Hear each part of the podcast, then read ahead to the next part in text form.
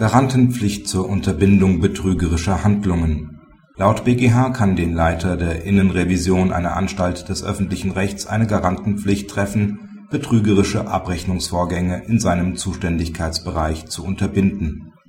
Der Angeklagte war Leiter der Innenrevision bei einer Anstalt des öffentlichen Rechts, der in ihrem hoheitlichen Bereich die Straßenreinigung übertragen war einer der Anstaltsvorstände sorgte dafür, dass Grundstücksanleger infolge eines fehlerhaft berechneten Tarifs überhöhte Entgelte in Höhe von etlichen Millionen Euro zu entrichten hatten.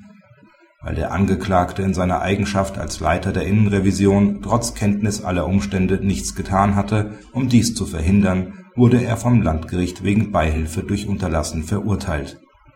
Die Revision des Angeklagten blieb erfolglos nach Ansicht des BgH hatte das LG zu Recht aus der Stellung des Angeklagten als Leiter der Innenrevision eine Garantenstellung hergeleitet. Zwar ergibt sich aus einem Arbeitsverhältnis üblicherweise keine Pflicht, aus dem eigenen Unternehmen kommende Straftaten gegenüber Dritten zu verhindern, etwas anderes gilt nur für sogenannte Compliance Officers, deren Aufgabe im Unternehmen gerade in der Unterbindung derartiger Straftaten besteht die Position des Angeklagten war mit der eines Compliance Officers indes nicht vergleichbar.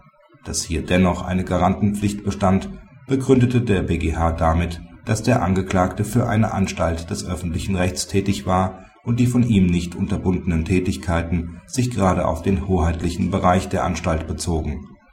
Anders als bei einem auf Gewinnerzielung ausgerichteten privaten Unternehmen ist bei einer Anstalt des öffentlichen Rechts der Gesetzesvollzug das Kernstück der Tätigkeit. Damit entfällt im hoheitlichen Bereich die Unterscheidung zwischen Unternehmensinteressen und den Interessen außenstehender Dritter. Aus diesem Grund bestand die Einstandspflicht des Angeklagten auch hier im Hinblick auf Straftaten gegen Dritte, so dass er verpflichtet war, die Straßenanlieger vor betrügerisch überhöhten Gebühren zu schützen.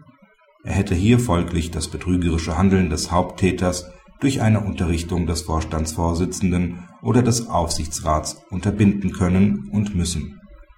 Praxishinweis Die Entscheidung ist von Bedeutung, weil sie grundsätzliche Aussagen zu den Garantenpflichten im Unternehmen im Hinblick auf die Verhinderung von Straftaten gegen Dritte trifft.